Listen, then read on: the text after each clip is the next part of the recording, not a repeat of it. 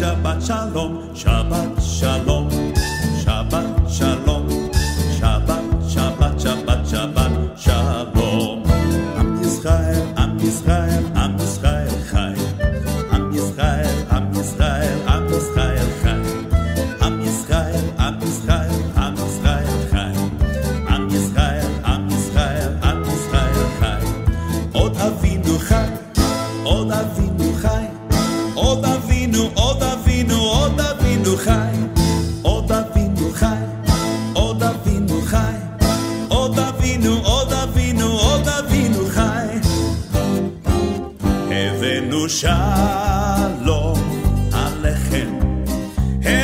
shalom alechem.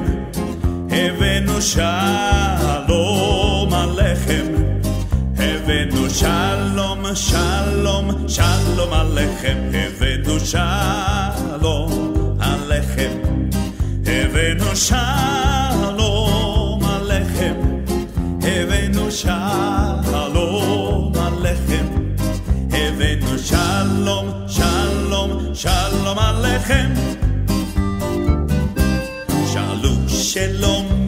ירושלים, שאלו שלום ירושלים, שאלו שלום ירושלים, שאלו שלום ירושלים, שאלו שלום, שאלו שלום, שאלו שלום, שאלו שלום ירושלים. For the peace of Jerusalem. Pray for the peace of Jerusalem. Pray for the peace of Jerusalem. Jerusalem shall live in peace. Shalom, shalom, shalom, shalom, shalom, shalom. Shalom, shalom, Yerushalayim. Shalom, shalom, shalom, shalom, shalom, shalom, shalom, shalom, Yerushalayim. Shabbat, shalom, Shabbat, shalom, Shabbat, Shabbat, Shabbat, Shabbat, shalom, Shabbat, shalom.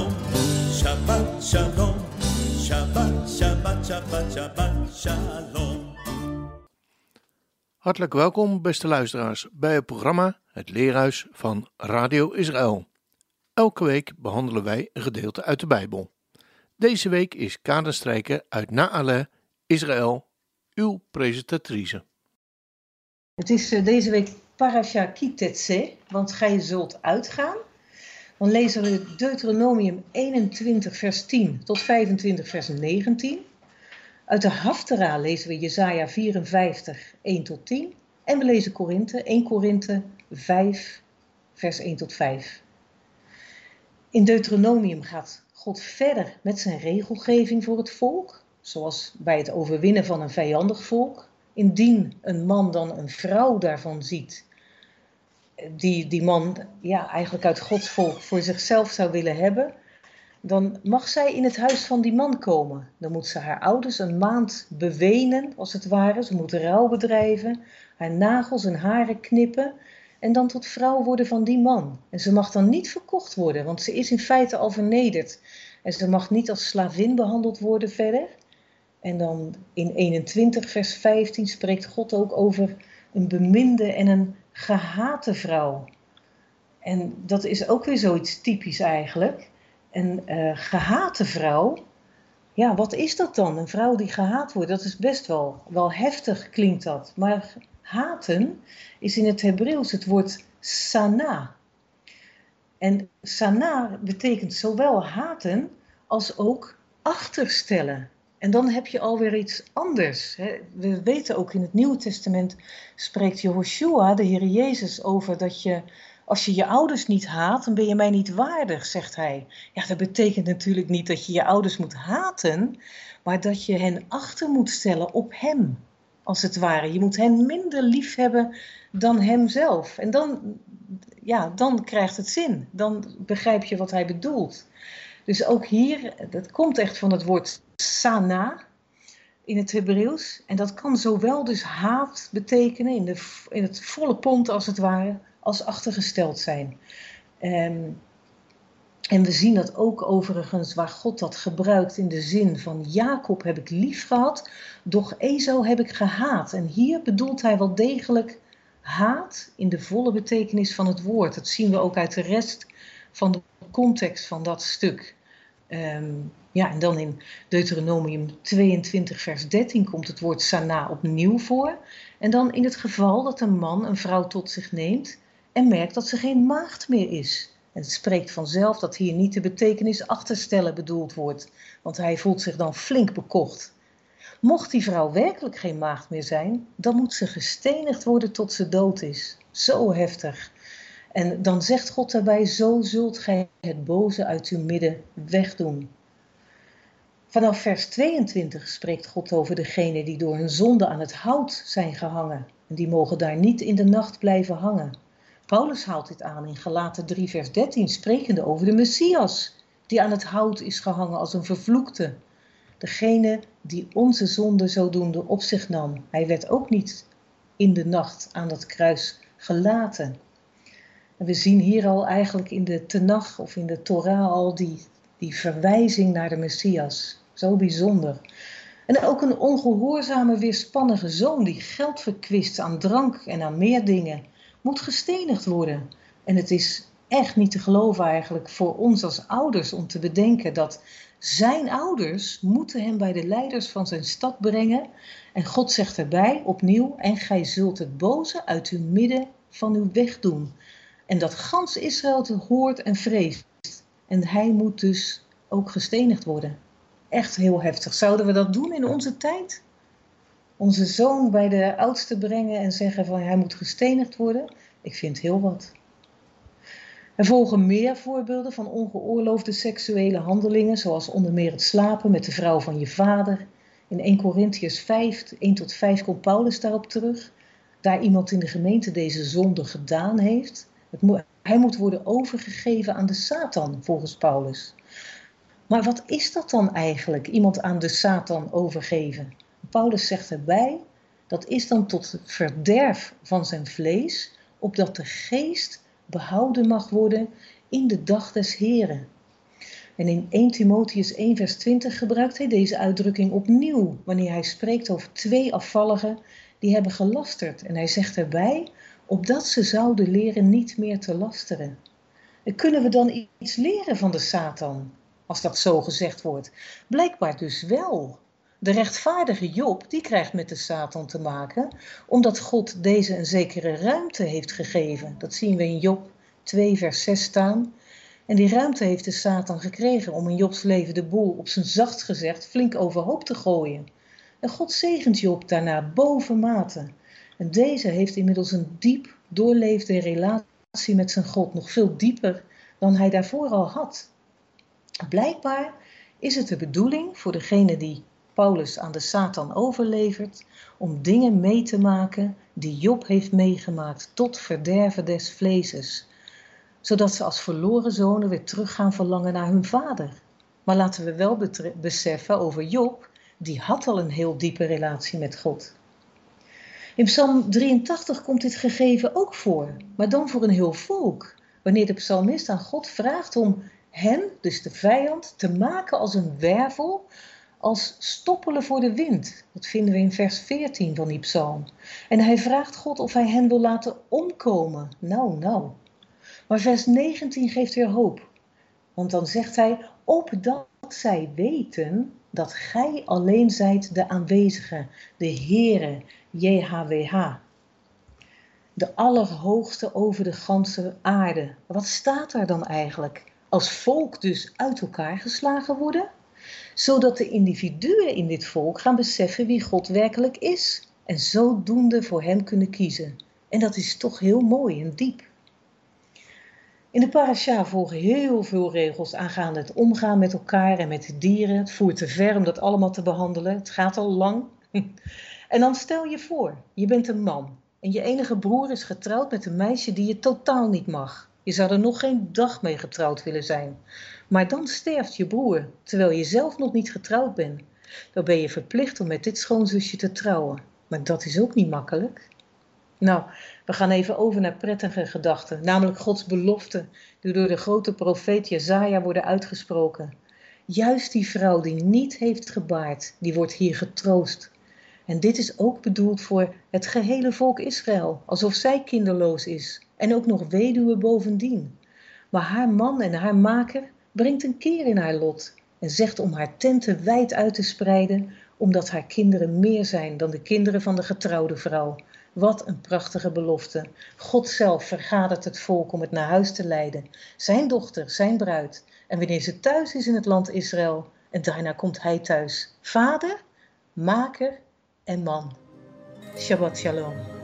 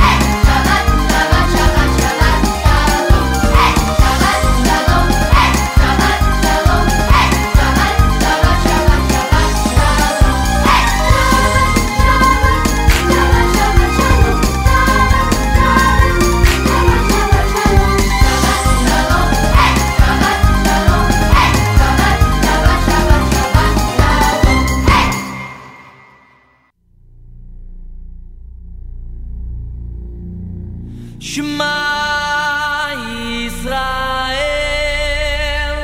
Adonai